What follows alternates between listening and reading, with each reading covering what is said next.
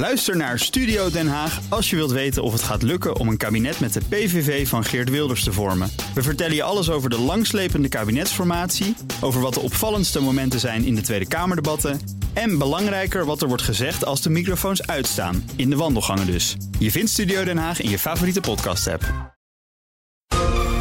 Heb jij de BNR-app al?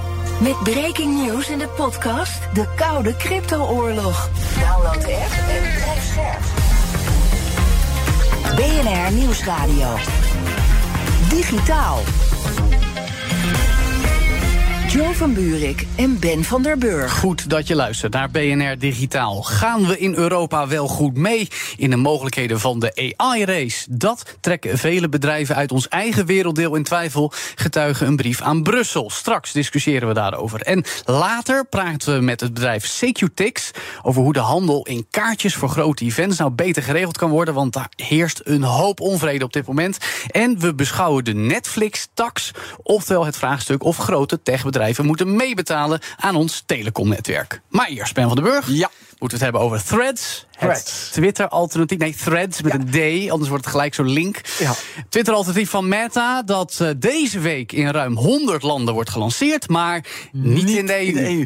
Maar eerst even over die naam. Het is Ja. in Europa, hoe vaak ik op de middelbare school de moest oefenen, was dat- best wel veel. En de, ja. Daar hebben heel veel Europeanen moeite mee. Dus Dat vind ik qua naam. Misschien Maar- dat dat stiekem een reden is. Dat is de reden. Nou, we zoeken dus naar de reden. Niet in de EU. Ik vind het verschrikkelijk jammer, want ik wil alles proberen. Ja. Echt, en Twitter heeft een, verdient een alternatief. Ja. Eh, de reden was de Europe- eh, in Ierland, de commissie, de, AP van Ierland, die zei van het kan wel, maar Mhm. Ja. toch doen ze Nou, het niet. Meta heeft zelf aangegeven bij de eh, Ierse privacywaakhond, we gaan het niet doen. Ja, maar dat is opvallend. Wat, wat mij opvalt, weet je wel, normaal gesproken, de Amerikaanse techreuzen die gewoon naar Europa en alle rechtszaken gaan ze aan. Dat was het jarenlang. Dat het interesseert ze helemaal niks. We proberen het. En we zien nu natuurlijk met Bart, en we zien het nu weer, dat ze terughoudend zijn. Ja. Dus de, de, nu is de grote vraag: waarom zijn ze terughoudender geworden? Want ze hebben hele dure advocaten. Ja, ja, ja, ze willen toch niet meer aan. Misschien dat onze wetten daadwerkelijk te streng worden. Eh, we zagen natuurlijk ook al met Google Bart, de AI-tool, die Ja. ook nog niet in Europa van EU in ieder geval beschikbaar is. ChatGPT was natuurlijk een paar weken in Italië niet Ja. beschikbaar vanwege privacywetten. Maar als er dan een boete is, hè, Joe, dan lachen we altijd om die bedragen. Weet je, Mhm. 1 miljard. En zeggen we met, met z'n allen: ja, dat kunnen ze mak- makkelijk betalen. Het zal wel. Maar toch lijkt het, maar we willen heel graag weten hoe en wat. Lijkt het toch dat ze denken van: nou, Ja. doe maar niet, we wachten. Of, Ja. en dat is geopolitiek natuurlijk onwijs link. Ze laten Europa echt zwemmen. Ze komen gewoon later met alle mooie AI-tools, met de social media, Ja. waar het wel gezond Ja, is. ja, ja, ja, waardoor ben- wij ben- ben- Europeanen achterblijven. Oef, we gaan terug naar het stenen tijdperk. Maar ik bedoel meer threads, weet je wel. Oké, leuk nieuw social media. Maar ik was er oprecht benieuwd. Ik ben er nog steeds nieuw, naar Ja. benieuwd. Want ja, alternatieven voor Twitter. We zitten inmiddels net een beetje op Blue Sky. We hebben Mastodon opeens weer een beetje uit de mottenballen Mhm. van een half jaar geleden getrokken. Ehm, maar het voelt toch als het begin van een groeiende kloof tussen de VS en Europa wat betreft beschikbaarheid van digitale technologie. Ja. En, en ja, dat bedoel ik, daar kunnen wij dus in Europa, want we, hebben, we zetten geen alternatief daar tegenover. Daar kunnen Nee, we nog dus, niet. Daar kunnen we op achterraken. En maar je kan natuurlijk ook, weet je, het is heel veel over social media, weet je, hoe in de, ook in de Amerikaanse journalistiek, weet je, is het nu dood? Hoe gaat het nu? Ja. Is het nog belangrijk? Dat is ook wel een interessante trend, hè? Van, is het nog echt social media zoals vijf, zes jaar geleden? Wow. Ja. En nu, oh ja, Nou oh ja, ja, dat- we hebben dat- ook nog social Ja, media. maar dat blijft natuurlijk de kernvraag. Hè? Dat gaat Threads daadwerkelijk iets anders doen? Weet je wel, met je Instagram-account inloggen op iets wat lijkt op Twitter. Is dat iets wat we willen? Nee, dat, be- dat betwijfelen we nog. En dan Ja. nog. dat- je, Nou, heel kort dan. Nou, je hebt een hele mooie natuurlijk, want je hebt je Instagram-volgers en die kan je inloggen dan. Ja, je installed base. in, in, zo, hebben ze in één keer installed base, dus dat is een onwijs voordeel. Ja. Maar goed, inderdaad, zitten, is dit het tijdperk van de social media of is dat voorbij? Ja, dat is ook nog een vraag. Dus. So- Social media 4 4.0? Mogen we dat al zo noemen? Ja, zitten we al bij vier ongeveer? Ik ben het ook kwijt. 4.1. Digitaal. Maar zo is er meer bezorgdheid over Europese techregelgeving, juist ook bij grote Europese bedrijven. Dat bleek uit een recente brief ondertekend door ruim 160 bestuurders van onder meer Siemens en uit eigen land, TomTom en Heineken en nog veel meer bedrijven die met elkaar waarschuwing uitstuurden naar de Europese Commissie en het Europese Parlement dat te strenge regelgeving, ik citeer, zeer innovatieve bedrijven wegjaagt uit Europa en ook dat gat tussen twee kanten van de Atlantische Oceaan, wat ik net al noemde, daar waarschuwen ze voor. Hoe zit dat nou echt? Daarover praten we met Marloes Zij is vicevoorzitter van het European AI Forum en voorzitter van de internationale werkgroep in de Dutch AI Coalition. Welkom Marloes. Dank je. De Nederlandse AI-coalitie. Ja, de Nederlandse AI-coalitie. Goed, Nederlands kunnen we natuurlijk gewoon gebruiken in die term. Jullie hadden notabene eerder vandaag overleg met het European AI Forum. Ja. Um, daarin zijn de AI-belangorganisaties uit diverse EU-landen verenigd, kan ik wel zeggen. Hoe verliep dat gesprek? Nou, het was een hele mooie bijeenkomst uh, en een goed gesprek. Uh, het is sowieso wel een bijzondere groep. We hebben aan de ene kant landen als Duitsland, Frankrijk, Nederland, maar we hebben ook een heel aantal Oost-Europese landen. Mm -hmm. Ja, en dat geeft toch altijd een hele diverse uh, ja, discussie, een diverse blik. Merk je veel cultuurverschillen? Ja, er zijn zeker op het gebied van AI ook echt wel verschillen tussen landen, hoe ze er tegenover staan. Maar het is denk ik heel goed om dat bijeen te brengen en die discussie met elkaar te hebben. We zijn ja. samen Europa, maar, maar, het is goed om, om die ja, kleurverschillen kun, kun je een voorbeeld noemen van een typisch meningsverschil tussen twee landen en hoe ze naar bepaalde AI-vraagstukken kijken? Nou, uh, als het gaat over uh, de AI-act in het algemeen, dan uh, nou, denken wij in Nederland, maar ook in Frankrijk, dat start-ups en scale-ups, als we ze maar goed begeleiden, dat die over het algemeen best wel positief tegenover staan. Mm -hmm. Maar in Kroatië zijn ze bang dat, uh, dat hun uh, start-up scale-ups uh, ja, weggaan. Dus Daar zijn ze echt de noodklok aan het luiden. Ja, dus daar, daar zie je wel echt verschil Maar dat in. komt dus omdat er in de AI Act nu staat dat je voordat je een AI-product op de markt brengt, dan moet je eerst aantonen dat het veilig is, goed is, transparant is enzovoorts. Ja. En dat is dan de discussie. Nou, nee, die AI-act bestaat eigenlijk uit meerdere lagen. Dus uh, je hebt bepaalde toepassingen waarvan wordt gezegd: ja, daar is niet zoveel aan de hand. Dat uh, ja, hoef je niet zo heel veel op te doen. Mm -hmm. Dat valt onder bestaande regelgeving bijvoorbeeld. Nou, dan heb je een categorie waarvan wordt gezegd: van, uh, nou, daar moet je, nou, daar gaan we wat beter naar kijken. En er is ook een ja, hoog high risk. Ja. ja, die high risk categorie, daar is eigenlijk de meeste discussie over. Want dan moet je echt wel nou ja, een behoorlijke assessment doen. En uh, nou ja, laten zien dat je transparant bent, uh, dat het veilig is, ja. uh, dat het mensgericht is. ja, en dat is veel en veel meer werk. Ja. ja, en daar gaat de discussie veel maar is, is, is dat dan ook een beetje het centrale punt? Dat er dus te veel gezegd wordt, ja, bepaalde dingen die we eigenlijk nog te weinig kunnen gebruiken, worden nu in high risk geduwd, waardoor het bij ons vandaan gaat? Uh, ja, daar gaat het over. Maar het gaat er ook over van uh, ja, hoeveel bureaucratie is het straks. Mm. Maar ook natuurlijk van kunnen de toezichthouders het straks aan. We hebben ja. toen natuurlijk bij de GDPR gezien dat, er, uh, nou ja, dat het AP dat, dat lang niet, niet aan kon. Duizenden dossiers waarvan er maar ja. enkele honderden daadwerkelijk behandeld kunnen worden. Ja, en dan is dit nog veel complexer. En het gaat ook over ja, veel meer toezichthouders zijn betrokken. Het hangt ja. een beetje van je, van je product af natuurlijk welke toezichthouders. Ja, hoe gaat dat straks? Maar wie wordt nu de toezichthouder? Want het is me nog steeds niet duidelijk. Is het nou wel de ja. AP in Nederland of toch een andere Nee, groep? dat is niet duidelijk. Maar ik, uh, kijk, er zijn natuurlijk ook heel veel toepassingen... waar sowieso meerdere toezichthouders straks bij betrokken zullen zijn. Als jij een AI in een financieel product hebt... ja, dan heb je ook met de AFM te AFM. maken. Dus, het, dus je gaat het verdelen? Nou, ze zullen sowieso moeten samenwerken met elkaar. Wie dan de coördinatie gaat doen, uh, dat is nog niet duidelijk. Er is wel nu binnen Europa een uh, soort werkgroep met uh, ja, met toezichthouders die hierover nadenken. Yeah. En op dit moment uh, zit iemand van de Rijksinspectie Digitale Infrastructuur zit die werkgroep voor.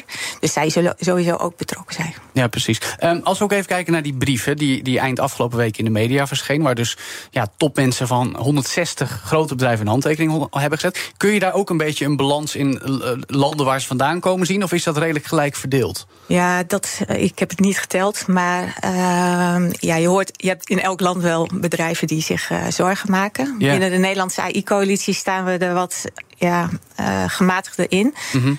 Uh, het is gewoon, het, je hebt nu een beetje twee kampen. Mensen die zeggen, ja, we, we, ja dit is overregulatie en uh, het jaagt innovatie weg. Mhm. Mm -hmm. Of bedrijven weg. En je hebt een groep die zegt van, nou ja, volgens mij, zoals het er nu uitziet, kunnen we er prima mee uit de voeten. Mm -hmm. Ja, binnen de AI-coalitie zien we vooral van, ja, je hebt aan de ene kant risico's, die zijn er gewoon. Uh, en die moet je zo goed mogelijk ondervangen. En we moeten kijken hoe AI mensgericht wordt. Yeah. En aan de andere kant heb je gewoon natuurlijk heel veel kansen. En dat wil je ook stimuleren. En wat is daarvoor nodig? Yeah. Nou, één manier waar, uh, waar we ze binnen Europa ook, maar ook in Nederland uh, mee bezig gaan, zijn sandboxes. Mm -hmm. Want straks is die AI-act er, uh, maar niemand weet nog hoe dat in praktijk dan gaat uitpakken. Het blijft allemaal heel abstract, hè? Niemand weet hoe nou daadwerkelijk je moet, moet gaan werken als die regels in place zijn. Ja, komt ook de, door meerdere redenen. Want okay. er is heel veel gedoe over de definitie aan zich. Mm -hmm. dus iedereen loopt steeds te schrappen ja, in de AI-definitie. Wat is nou een ja, AI ja, en wat en niet? wat valt er dan precies onder ja. hoog risico? en sommige bedrijven zijn dan bang van uh, ja, dat dan bepaalde toepassingen waar dan een stukje high-risk AI in zit, ja, dat dan ook ja, heel veel andere software daaronder komt te vallen. Wat ja, Ja. wat misschien helemaal niet Ja, geef eens een is. voorbeeld daarvan.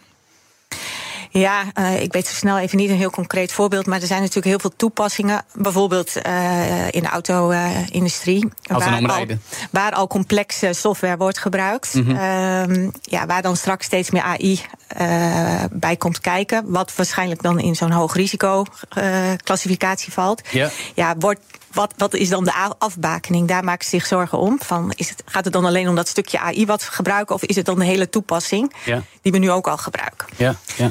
Nou, dat is ehm eh, een van de zorgen. Maar het idee van die sandboxes die er straks komen, is dat we in praktijk gaan testen, ook sa- in samenwerking met toezichthouders, van hoe pakt het nu in praktijk uit? Eh, en de Europese Commissie staat daar ook. Ja, best vind ik eh, ja, Maar dan open heb je in. dus eigenlijk over proeftuinen, real-life situaties waarin bedrijven aan gaan proberen te werken binnen de kaders die nu dus door die eh, techwetten, eh, zoals de AI Act, eh, in werking gaan treden. Ja, waar ook gewoon goed meegekeken wordt van.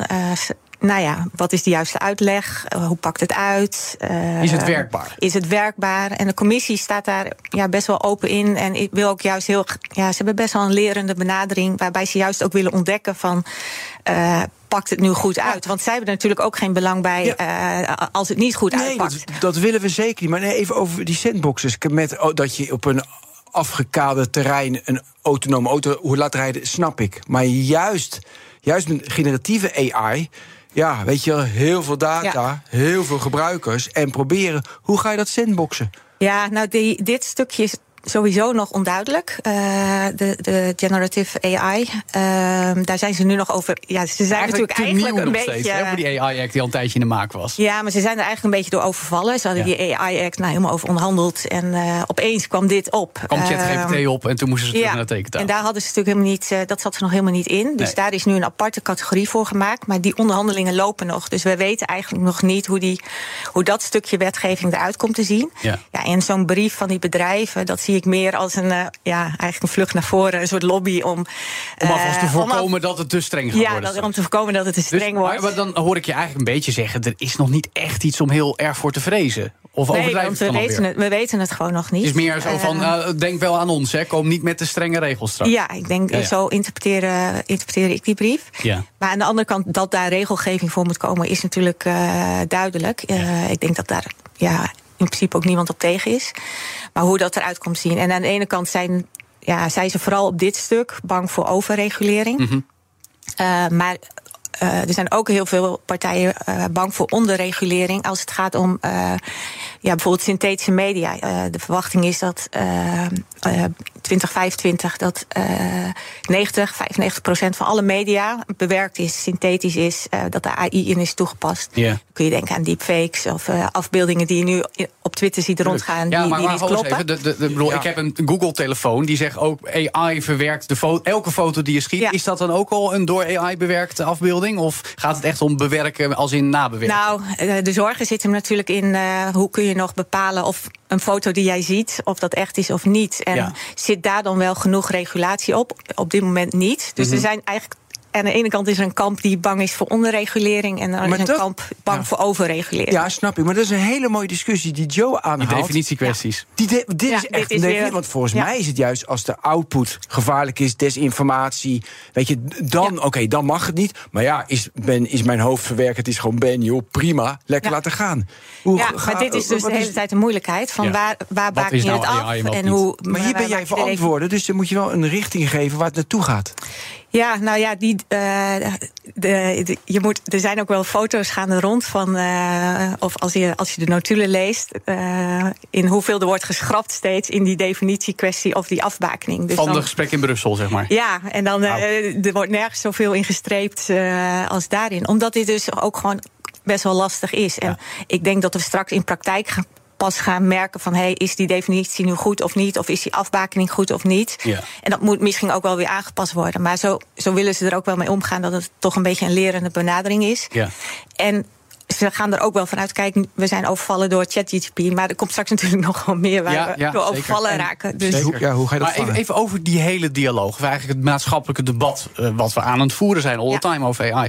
Ehm, we hebben natuurlijk de Amerikaanse techbedrijven. En zelfs de Amerikaanse overheid die lobbyen ook voor minder strenge wetgeving. Dat horen we all the time. We weten dat dat gebeurt. Ja. Ik kan me voorstellen dat je daar dan deels een beetje mee aligned bent. Dat je denkt van ja, her en der mag het ook wel iets losser. Op andere plekken juist strenger. Wat je zegt, Ja. onder- of ogenregulering, afhankelijk van wie je bent. Hoe bewaren jullie nou je balans en je nuance in de gesprek in Brussel? Want het is heel gevaarlijk om één kant van het gesprek in mee gezogen te worden in deze polariserende tijden. Ja, de, kijk, zoals het European AI Forum is dus ook geen lobbyclub. Wij Mhm. willen vooral meedenken over hoe je daar die goede balans in vindt. En hoe kun je nou aan de ene kant die innovatie ook stimuleren. En hoe kun je aan de andere kant eh, die risico's indekken en zorgen dat het echt mensgericht AI wordt. Want jullie willen uiteindelijk gewoon dat bedrijven het op een positieve, verantwoorde manier kunnen gebruiken. Ja, exact. En er liggen natuurlijk ook heel veel kansen eh, voor AI. Mhm. Ehm, en je wil ook graag dat investeerders ook uit het buitenland straks niet door die act eh, denken van nou ja, ik investeer niet. maar even niet Ja. meer, want ik weet Merk niet. je dat al, nu een beetje? Dat Europa toch, van we hadden het ook in het begin over, dat Ja. Europa van Als het oei, gaat om geld ook. ja, geld. Ja, maar daarom komen er ook straks grote. Kijk, de aandacht is nu heel veel voor die act. Maar er komen straks ook hele grote Europese programma's om juist die eh, innovatiekant en die investmentkant aan te zwengelen. Omdat ze dan, ja, niemand zit erop te wachten dat dat, dat stopt. Nee. En Kun je daar een, een tipje van de sluier oplichten? Hoe dat eruit gaat zien? Nou, Kunnen eh, nu, kunnen, is dat zoiets als Horizon 2020? Weet je, komt ja, er ook dat heel soort type programma's komen er ook aan. Ja. Ja, en wat we verder doen is, eh, het gaat natuurlijk ook om een stukje ja, voorlichting. Vanuit de AI-coalitie gaan we ook een legal eh, parade organiseren... waarbij we het land ingaan om organisaties, bedrijven uit te leggen... van ja, hoe, hoe moet je nou omgaan met die AI-act? Eh, wat betekent het voor jouw bedrijf? Waar val je in? Eh, hoe pak je het aan? En dat geldt natuurlijk ook voor investeerders. Ik denk dat er ook gewoon nog een heleboel ja, uitleg, scholing nodig is om te kijken hoe ga je hiermee om. Maar ja, dat was in het begin bij GDPR natuurlijk ook zo. Ja. Eh, en, En, ik daar denk. merken we nu dus ook de gevolgen van, van bedrijven die terughoudend zijn met dingen hier wel of niet doen vanwege privacy. Ja, aan de andere kant is het toch wel wereldwijd een soort standaard geworden. Dat wel. Eh, dus dat, eigenlijk is het ook een soort exportproduct geworden. En ja, als we dit goed doen, Ja. dan kan het natuurlijk ook een businessmodel worden dat wij in Europa ja, mensgerichte AI aanbieden. Daar geloof Eh, ik helemaal niks van. Dat Oh. dat een goed Ja. businessmodel is. Ja, maar hetzelfde met uiteindelijk, GDPR. Ik, ik dacht, vertel het niet, maar wel. Weet je, er zijn ook allemaal, gaat, eh, eh, allemaal geitenpaadjes verzonnen... om uiteindelijk toch Ja. nog steeds profielen van mensen op te bouwen... en Nee, die zeker. personen te targeten en ze aan het koopinfuus te, eh, ja, te brengen. Dus ja, dat zeker. zal nu Alleen ook ik denk, gebeuren. eh, ja, zeker, dat zal ook gebeuren. En het is ook een red race. En AI zal ook eh, door criminelen gebruikt worden. En zal ook door bedrijven op Zoals de elke manier. technologie Ja. kan misbruikt worden. Exact, en daarom is die wetgeving denk ik wel heel belangrijk, zodat je het ook, als het gebeurt, wel kunt aanpakken. Nee, maar ik reageer iets te fel, sorry daarvoor. Ja, maar ik reageer er vooral op dat het dat een businessmodel is. Maar Nou, ik ik geloof denk, niet dat het menselijke AI een businessmodel is. Ik denk dat het gewoon een ethisch een noodzakelijkheid is. Ja, en dat denk ik ook. En dat kost geld. Ja, dat kost geld. prima. Eh, alleen ik denk wel dat eh, op een gegeven moment, eh, als we het goed doen, dat zag je met GDPR ook bijvoorbeeld. Ik heb veel in Singapore gewerkt. Ja, dan gingen ze toch naar ons kijken van eh, hoe, hoe pak je dat dan nou precies aan? Omdat zij wisten van hé, hey, als wij ons daar ook, daar ook aan voldoen, dan hebben we de hoogste standaard. Nou, en dan kunnen we het wereldwijd gebruiken. En zo zou, eh, ja. Dan hebben ze de hoogste ethische standaard, maar Ja. niet de economische standaard. Dat onderscheid wil ik graag Nou, maken. ik denk als je dat label hebt van wij doen, voldoen aan de AI-act, eh, dan heb je wereldwijd, weet je al, wij voldoen aan het strengste. Dus je weet ook dat het dan wereldwijd, en dus ook in de VS, bruikbaar is. Eh, dus ik denk dat het uiteindelijk wel zo kan werken. Maar goed, dat, ja, in eerste instantie, dat zag ik met GDPR Ja. ook, was natuurlijk heel veel gedoe. Ja, precies. En dat blijft natuurlijk doorontwikkelen. Nog één ding waar ik tot slot even naartoe wil. Want we hebben het natuurlijk heel erg gehad over data en regelgeving. Maar jullie praten ook in het European AI Forum over finance en compliance. En hoe AI bij defensie en energie wordt ingezet. Allemaal hele andere Ja. markten. Ehm, he- zijn daar nou ook zulke grote zorgen als die we de afgelopen 20 minuten hebben besproken? Of zijn die er misschien niet? Of juist wel en minder aan publiek? Nou, het is dus weer en en. Eh, dus ik, eh, ook binnen de Nederlandse AI-coalitie hebben we werkgroepen voor al die domeinen. En ja, aan de ene kant, eh, zo, nou, neem het simpele voorbeeld van Defensie. Aan de ene kant zie je nu natuurlijk ook al in de oorlog dat AI opeens een rol speelt. en, en slimme drones. Ja? Nou, dat is ook een bedreiging. Maar het is ook natuurlijk weer een kans. Ja. dus je moet er ook wel weer in meegaan. En, met dat, energie dat, kunnen we daar. Dat lijkt mij toch alleen maar positief. AI om onze energieconsumptie te verbeteren. Of zitten daar ook schaduwkanten? Ja, natuurlijk zitten daar ook schaduwkanten. Uh, alleen uh, ook als je het hebt over hoeveel energie kost AI. Ja, dus, nee, tuurlijk, tuurlijk, dat dan weer wel. Ja. Dus die discussie speelt daar natuurlijk ook. En hoe maak je. Hoe kun je ook ja, de industrie zelf helpen om uh, zo ja, duurzaam mogelijk. mogelijk. Helpt erbij. Ja, ja. want ook als je kijkt naar ChatGPT, hoeveel energie dat kost, ja, dat is bizar. Dus dat is wel degelijk een hele grote, uh, ja, een grote ja, zorg. Maar ik had vorige week een technoloog over datacenters. En uh, 90% van de energie van datacenters is duurzame energie. Maar goed, dat, is weer, dat, pleit weer voor, dat pleit weer voor datacenters. Ik heb een andere vraag nog aan je. Ik heb het heel erg het idee dat dit een lerende wet is. We doen allemaal ja. mee, wij discussiëren. Dat vind ik best wel. Je kan ook zeggen van, dit is de wet, je pech, hou eraan. Ja, en dat vind ik er dus ook eigenlijk best wel mooi aan. Het is echt veranderd, hè, toch de laatste jaren. Ja, dat, dat is echt anders. En ik vind ook het team bij de Europese Commissie... wat hieraan werkt... -hmm. Heel vakkundig. Uh, en dat en ze zijn goed ingevoerd. Ja, ze zijn heel goed ingevoerd. En dat hebben we ook wel bij sommige wetten gezien... dat ze soms niet helemaal weten waar ze het over hebben. En dat is hier heel anders. En, en ik zie dat, ook... dat het dan ook langer duurt om de gesprekken te voeren. Want nou, dat mensen er dus echt iets van vinden. Ja. Uh, en heel veel discussie daarover hebben. Dus dat uh, nou, alleen... Een beetje polder is het soms ook. Ik heb twee uur ja. een beetje meegeluisterd. Dacht, poeh, kom op jongens, een beetje actie. Maar ja. dat hoort er misschien ook bij. Het hoort er op dit moment denk ik even bij. ja. Nou ja, zo gaat het gesprek nog een tijdje door. Dan horen we er graag weer een keertje over. Dankjewel Marloes Pomp, vicevoorzitter uh, nog ja? een kleine oproep. Oh, heel kort? Uh, ja, heel kort. Ja, zijn er nou bedrijven uh, of organisaties die gewoon meer willen weten over die AI-act, waar ja. het nu precies staat? Ja, meld je bij de Nederlandse AI-coalitie, want we hebben daar dus heel veel voor op de plank liggen en gaan ook heel veel daarvoor het land in. Okay. Dus meld je gewoon aan. Goed om te weten. Je bent voorzitter van de internationale werkgroep van de Nederlandse AI-coalitie en vicevoorzitter van het European AI Forum. Dankjewel, Marloes Pomp. En straks duiken we in een ander Europees tech-dossier, namelijk de vraag of grote techbedrijven wel of toch echt niet moeten gaan meebetalen aan ons telecomnetwerk. En we duiken in de wereld van ticketverkoop voor grote events. Want de stapel klachten daarover is enorm hard aan het groeien. Juist ook in Nederland. Blijf luisteren. BNR Nieuwsradio. Digitaal. Jo van Buurik en Ben van der Burg. Welkom terug bij BNR Digitaal. Moeten Google, Meta, Netflix en alle andere techbedrijven... die ons een slag in de ronde laten scrollen en streamen... straks meebetalen aan ons telecomnetwerk? Die discussie woedt al een hele tijd... en wij proberen straks een zo definitief mogelijk antwoord als voorschot te krijgen. Maar eerst, de wereld van ticketing staat bol van de negatieve associaties. Denk maar aan berichten over woekerprijzen, fraude en scalpers. Mensen die kaartjes massaal inslaan om ze later met winst door te verkopen. Ook afgelopen weekend ging het mis met kaartjes voor aanvang van het Down the Rabbit Hole Festival. Die plots niet meer doorverkocht konden worden binnen het eigen systeem van Ticketmaster. En dat vonden festivalgangers niet leuk. Waarom dat misging en wat in de toekomst mogelijk een oplossing is, dat vragen we aan Lennart Moons, directeur bij Secutix. Nu bij ons op afstand. Welkom, Lennart. Dankjewel. Dag Lennart, goed dat je er bent. Hey, uh, even in het kort, wat gaat er nou allemaal mis op de ticketingmarkt? Um, nou, laat me eerst zeggen, er gaat heel veel goed. Ja? Ja, nou, er gaat heel veel goed uiteraard. Um, uh, maar de, de klantvriendelijkheid uh, en het gebruik van je eigen ticket... Uh, en het doorverkopen, doorzetten daarvan...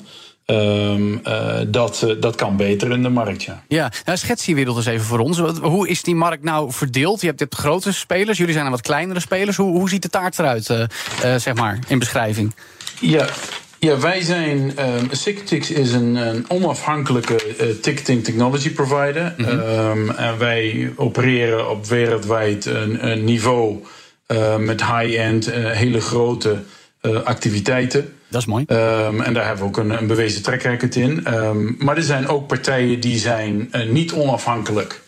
Um, en met name wanneer je kijkt in live entertainment, wat jij net, uh, waar jij het net over had. Ja, zoals een festival. en dan praat je, ja, een festival. En, en dan praat je over ticketing providers als Ticketmaster, die bijvoorbeeld onderdeel zijn van een hele bedrijfskolom, waarbij de promotor Um, uh, belangrijke relaties heeft bijvoorbeeld met een artiest, maar ja. ook eigendom heeft in, in property, dus events, uh, venues, um, stadions, ja. um, maar ook het ticketing systeem uh, in hun kanaal heeft. Ja. Ja, en dan krijg je andere dynamieken. Ja, dus als ik het mag samenvatten, omdat één partij een monopolist is en die heeft de hele vertical, zoals dat heet, heeft die in handen.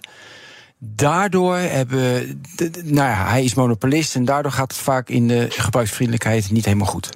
Heb ik het juist? Of ja, dat onjuist? kan. Ja, ja, dat klopt. Dat kan. En een partij als CM.com uit Nederland, speelt die daar nog een rol? Die hoor, die hoor ik ook altijd. Um, CM is een, een opkomende partij. Um, uh, CM doet uh, onder meer de Dutch Grand Prix. Mm -hmm. Um, uh, maar CM heeft, is natuurlijk een, een, een, partij die zich ook op veel andere vlakken bezighoudt met, met mobiele technologie. En daar is ticketing een onderdeel van. Ja, nu hebben we het ook vooral over Ticketmaster natuurlijk. Hè, werd toch genoemd. Grote speler, ja. vrijwel de hele keten in handen. Uh, nou, we hebben net al een beetje geschetst waarom dat problematisch is. Dus volgens mij ook omdat ik, als ik het goed begrijp, ze weer een commissie vangen als jij een kaartje wil doorverkopen. Ja, dat, dat klinkt toch gewoon ja. als uh, het, het land dat ze ooit veroverd hebben, zoveel mogelijk willen behouden. Er is helemaal geen ruimte voor andere spelers. Of, of zien jullie wel kansen? Ja, dat zou je kunnen zeggen. En, en ik, ik kan me er uh, iets bij voorstellen dat, dat Live Nations en Ticketmaster, Mojo, dat zij dat graag allemaal in eigen hand willen houden. Mm -hmm. um, maar wat je ziet gebeuren um, momenteel is dat partijen het um, uh, belang van het, het hebben van data over hun audience, uh, fanbase of klantdata, Mhm. mm -hmm. dat ze dat belangrijk vinden om zo een community te kunnen bouwen, om zo uh, uh, met ze te kunnen communiceren. Ja, en, en die data heb je daarvoor nodig. En wanneer die data bij een ticketmaster of bij een promotor zit, dan kan je dat zelf niet doen. Nou, en daar liggen voor ons, zien wij mogelijkheden, als mede ook uh, de, de digitale mobiele distributie van um, dergelijke tickets. Ja, want als ik het goed begrijp, ik heb een beetje gekeken op jullie website, in jullie producten, gaat het jullie vooral om transparantie met secured digital wallets. Dat, dat klinkt als een blockchain toepassing, maar, maar leg even uit hoe, hoe, hoe mensen in de praktijk daar een fijnere ervaring door krijgen. Ja, dat klopt. Dat is, um, uh, Tix Go is gebaseerd op Um, blockchain. Um, het is geen publiek blockchain. Mm -hmm. Wat wij doen is wij benutten uh, de encryptie en de uh, veiliging, beveiliging van blockchain technologie. Ja. Um, en daarmee kunnen we dus garanderen dat uh, gebruikers, en dat kunnen hè, fans, consumenten, een, een, veilig, snel en seamless ervaring hebben met mobile ticketing. Ja. Wat, je, wat je daarmee voorkomt is fraude, omdat ieder ticket uniek is, uh, beveiligd is, volledig um, uh, track and traceable. Ja, omdat het geregistreerd um, is op een blockchain. Het zijn allemaal geminte tickets, zou ik maar zeggen. Het is, het is um, uh, blockchain-based. Daarnaast, als je kijkt naar welke elementen zitten daarin, je hebt een, een QR-code die dynamisch is. Ja. je hebt je ID. Uh, daarvoor nodig. En uh, hij is gekoppeld aan je mobiele telefoon. En die drie dingen samen zorgen ervoor dat hij beveiligd is. Ja, maar ik wil, kan ik iets beter snappen? Je gebruikt encryptie, zeg je, en de beveiliging van de blockchain. Kun je iets de diepte ingaan? Eén laagje, hoe werkt dat dan? Nou, de, de, zoals je weet is um, uh, blockchain gebruikt, registreert um, data. Ja. He, dat is een register. Nou, Ja. daar maken wij gebruik van. Dus dat betekent dat um, de, de, een ticket geregistreerd is. Um, en, en wij kunnen ten alle tijde um, die registratie opvragen. En kun je dus zien, gekoppeld aan een ID en aan een mobiele telefoon, of die data accuraat is. Precies. En, en, en dat staat niet centraal, maar dat heb je op verschillende notes. Ja. Heb je dat en even advocaat van de duivel vraag dan, hè? want uh, ik bedoel, blockchain is mooi, maar een, een gewone standaard database is daarbij niet goed genoeg? Nee, een gewone database is minder secure. Um, uh, standaard mobile uh, ticketing, dus waar je geen gebruik maakt van um, uh, encryptie en, de, en de veiligheidslagen van een blockchain. Ja. Um, ja, daar, daar zul je niet die veiligheid hebben die je Ja. bij Tix Go hebt. Hey Lennart, als dit zo uniek is, hè, dat kan toch Live Nation mo- morgen namaken? Want dat is toch geen rocket science? Dus als dat het onderscheidend vermogen is. Uh, dat zou kunnen, ja, dat zou kunnen. Uh, de, de, de vraag is natuurlijk of. Uh, zij hebben ook een, een mobile app. Um, en ik, ik kan niet over de, de specifieke setup van, van die mobile app spreken. maar wat ik wel weet is dat wanneer je naar Tix Go kijkt, gebruiken wij bijvoorbeeld dus niet het publieke blockchain Ehm, eh, omdat daar ehm, eh, de performance ehm, eh, niet groot genoeg is, niet snel genoeg is.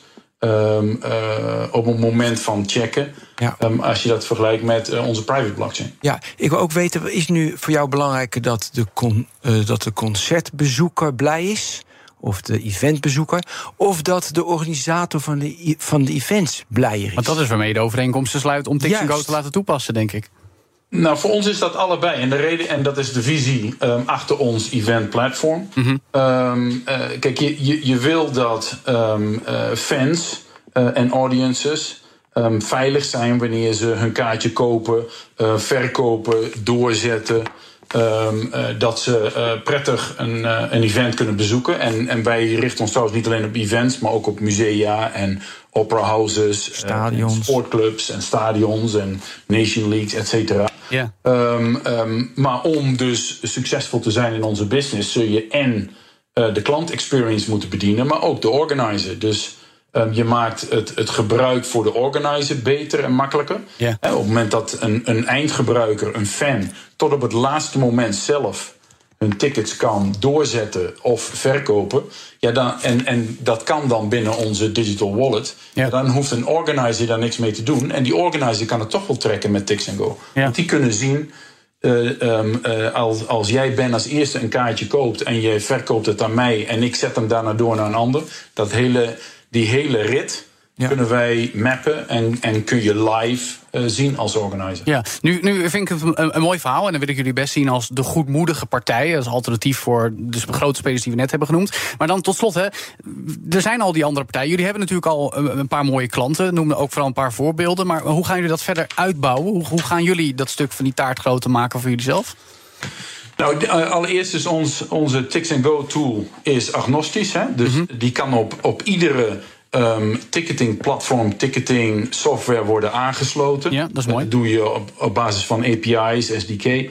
Ehm, het is een volledig open cloud-based. Ja. Ehm, eh, en, en daarmee bedienen we al partijen als hè, Opera Nationale de Paris of een eh, Musée Picasso in Parijs, eh, Ja. Ajax, Stade de France. We hebben bijvoorbeeld Ed Sheeran gedaan. Kijk. Wimbledon, Silverstone, nou, noem maar op. En op het moment dat je die, die customer satisfaction ziet. Ik was met een aantal mensen bij de Champions League. Ehm, eh, die hebben wij ook gedaan. Ja, Kijk. Dan, dan merken mensen hoe makkelijk die, die customer journey is en hoe makkelijk het is om tot het laatste moment ook je ticket bijvoorbeeld door te zetten. Ja, dus dat hoort volgens jullie gewoon totaal geen probleem te zijn. En ook al die festivalbezoekers die het nu ja, eh, een, een vervelende ervaring hebben, daarvan zeggen jullie dat kunnen wij veel beter. En dat gaan we ook bewerkstelligen in de toekomst. Dat klopt. Nou, mooi. Dat, eh, daar gaan we je aan houden in de toekomst. Dankjewel, Lennart Moons, directeur bij Secutex. Joe van Buurik en Ben van der Burg. En dan gaan we het nu hebben over de Amerikaanse grootgebruikers van het internet. Of in ieder geval de partijen die het aanbieden aan ons consumenten, de producten op internet. Google, Netflix, Meta, die zouden moeten gaan meebetalen aan de Europese internetinfrastructuur. Althans, als het aan sommige grote telecompartijen in Europa ligt. Vooral afgelopen maand werd hierover weer veelvuldig gesproken tussen diverse Europese lidstaten. En nog voordat de zomervakantie echt begint, verwachten we een soort van antwoord op dit vraagstuk vanuit Brussel. Wat gaat dat worden? Dat vragen we aan Rudolf van den Berg, partner en telecom-expert bij Stratex Consulting. Welkom, Rudolf. Dank je. Goed dat je er bent. Dit is een langlopend dossier, Rudolf. Vorig jaar hadden we het al over met Simon Hania, het Ben. Ehm, vragen telecombedrijven eigenlijk vaker om meer geld voor technologische ontwikkelingen in de geschiedenis? Nou, de eerste keer dat ze hierom vroeg was ongeveer in 1996. Toen vonden ze al dat er te veel internetverkeer over hun netwerk eh, Toen hadden we nog niet eens breedband en ze vonden het al. Nee, eh, toen was er te veel dotcom-verkeer. en dan alleen al het DNS-verkeer van vragen waar staat deze website. Dat was al te veel voor hun internetverbinding naar Amerika. Ja. Dus dan moest de dotcom-provider moest gaan meebetalen. Nou, daarna waren het natuurlijk andere dingen eh, door de loop der jaren, Netscape. Eh, en tegenwoordig is het dus Google, Netflix, et cetera, waar dan van gezegd wordt, die verbruiken te veel verkeer, dus daar moeten ze voor betalen. Dus het is eigenlijk een, een trucje wat we al hebben vaker gezien, de hand ophouden, maar nu bij weer net iets andere partijen dan de afgelopen keren. Ja, en deze zijn misschien net wat minder populair op dit moment, dus eh, we proberen het nog eens een keer. En het feit dat het dan nu weer gebeurt, is dat puur opportunisme? Is dat puur lobby? Zo voelt het wel. Het, dit is een beetje het zombie-debat. Elke vijf jaar komt het terug. Ik schreef, toen ik bij Economische Zaken als beleidsmedewerker werkte... mijn eerste rapport hierover in 2005, 2006. Ja. Is ook weer even geleden. Er was netneutraliteit, eh, was de titel. Ja. Nu heet het fair share, maar het is hetzelfde debat. Ja. Ja, oké, en ze verliezen dan de hele tijd. Goede lobby, de hele dure lobbyisten. En dan verliezen ze. Ze gaan het over vijf jaar weer proberen. Of over, eh, wacht, in 2030 hebben we 6G, dan gaan ze het weer proberen, enzovoort. Maar wat zijn de argumenten waar ze heten mee komen... dat je, dat je toch gaat twijfelen van... nou, dat is een goed argument. Of hebben ze die niet? Nee, die, die hebben ze niet. Nee, maar je hebt toch wel iets dat je denkt van... nou, Nee, het is echt het gekke. Iedereen moet. eh, het internet is gebouwd rond 75.000 netwerken nu en iedereen betaalt zijn eigen kosten. In Nederland heb je KPN, Vodafone Ziggo, maar ook lokale partijen als Kabel Noord, SKV Veendam. Iedereen bouwt zijn eigen netwerk. Ja. En je moet van je eigen klanten je eigen geld verdienen. Ja. Maar aan de andere kant heb je ook de Rabobank, de Belastingdienst en iedereen die dingen op internet doet, die verkeer genereren. Ja.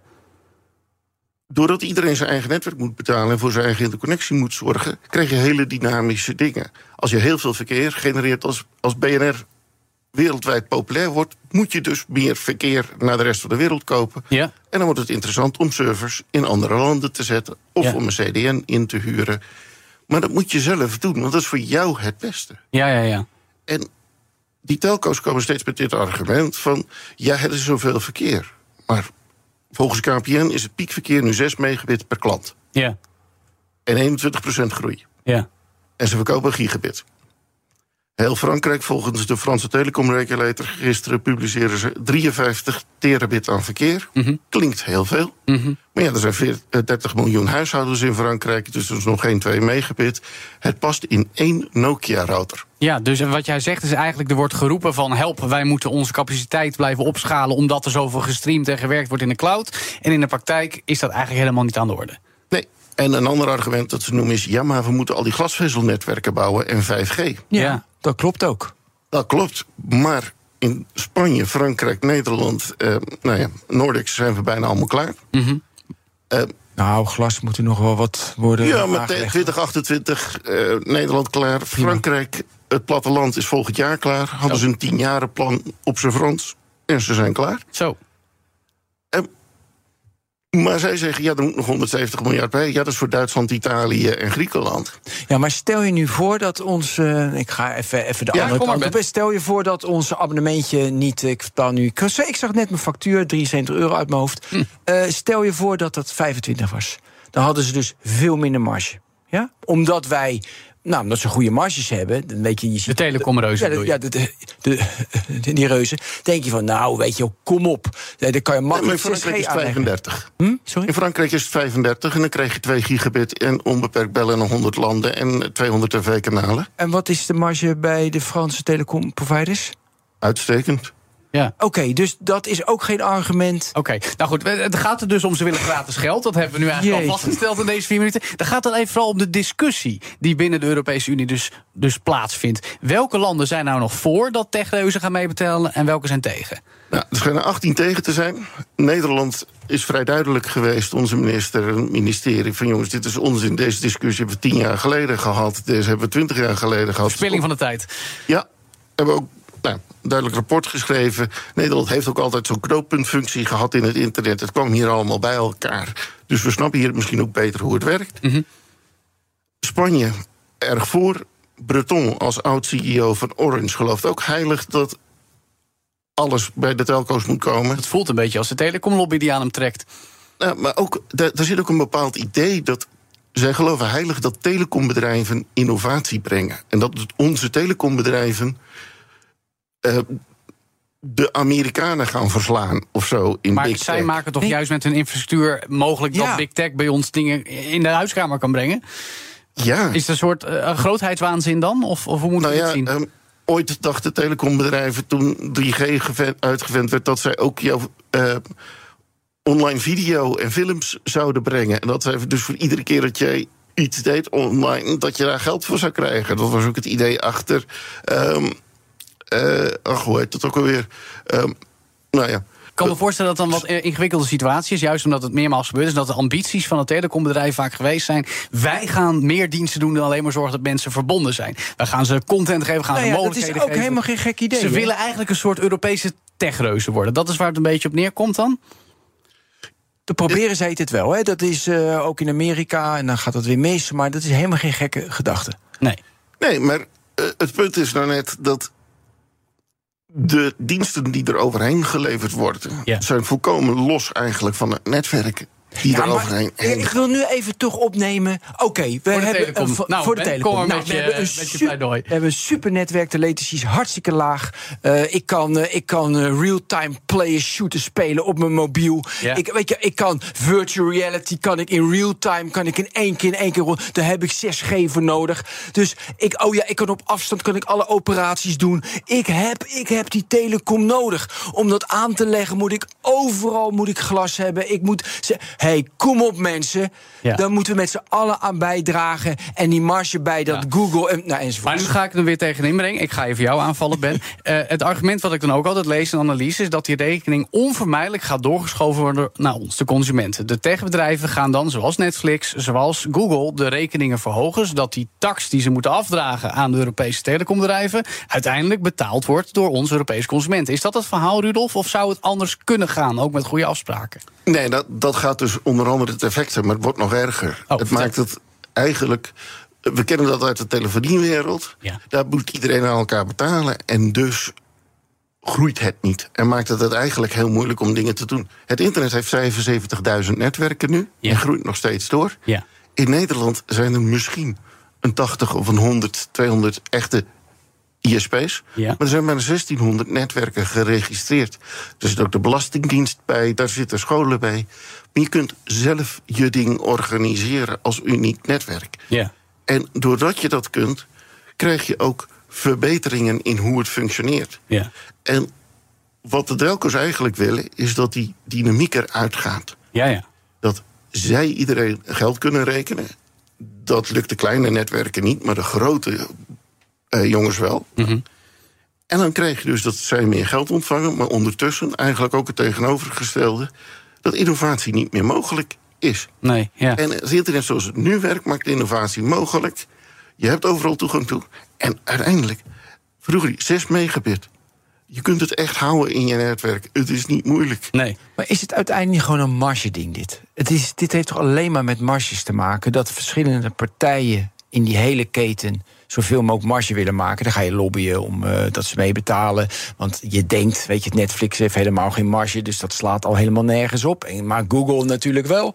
Maar dat is toch uiteindelijk waar je wel over na kunt denken... waar worden exorbitante marges gedraaid? Ja, maar ja, dan gaat het nog steeds gewoon aan wat verkeer kost... is een paar cent op een netwerk. Dus ja, gratis geld. Ja, maar- Iedereen wil gratis geld. Ja. hey, ehm, je kunt ook zeggen, waarom betaalt KPN niet aan BNR? Ja, nou ja. Want laten we eerlijk zijn, zonder een goede uitzending is KPN ook ver van huis. Je Dus bedoelt, laat dit- ze gewoon meebetalen. Ja, je bedoelt zeg maar de, de- alle, alle bedrijven die content maken en aanbieden. En de, de partijen die de infrastructuur verzorgen zodat die content geconsumeerd kan worden, zijn eigenlijk symbioten. Ze hebben elkaar nodig. Ze zouden elkaar- wat meer moeten gunnen dan alleen maar roepen: jij moet mij betalen. Ja, nou ja, en eigenlijk roep ik de telco's nu... jij moet ons betalen, terwijl andersom... ja, als het er niet is, Ja. is die vraag net zo goed. Ja, tot slot nog even heel kort, Rudolf. Eh, Er moet dus nog voor de, de zomer, nou die begin, is al min of meer begonnen... moet hier nog een publicatie over komen vanuit Brussel. Wat verwacht je? Gaan we hier nog de komende tijd over dooretteren... of hoe- hebben we vijf jaren spijt? Dat is wel klaar, denk ik. Ik denk dat het eh, helaas deze keer eens een keer eh, tot het laatste moment doorgaat. Want eh, blijkbaar zit Breton echt erop te aarzelen dat het nu gaat gebeuren. Terwijl toen eh, Nelly eh Smit-Kroes het deed... die had zoiets van, jongens, wat een gezeik, weg ermee, stop. Tot, vijf, tot over vijf jaar. Ja, nou, hopelijk kunnen we dat zeggen. Maar wellicht eh, moeten we er na de zomervakantie toch weer gewoon over praten. Dus, Hoop het niet. Nee, ik hoop het ook niet. Dank in elk geval voor de toelichting. Rudolf van den Berg, partner en telecom-expert bij Stratex Consulting.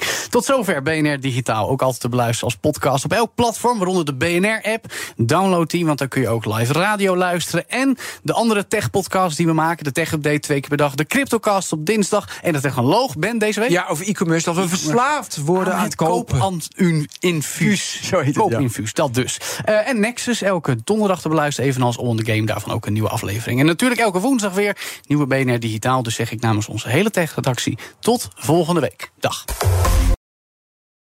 Ook Diana Matroos vind je in de BNR-app. Ja, inderdaad. Je kunt live naar mij luisteren tijdens de Big Five. Ook handig in de BNR-app. Breaking nieuwsmeldingen, maar ook het allerlaatste zakelijke nieuws. En je vindt in de app alle BNR-podcasts, waaronder Wetenschap Vandaag. Download nu de gratis BNR-app en blijf scherp.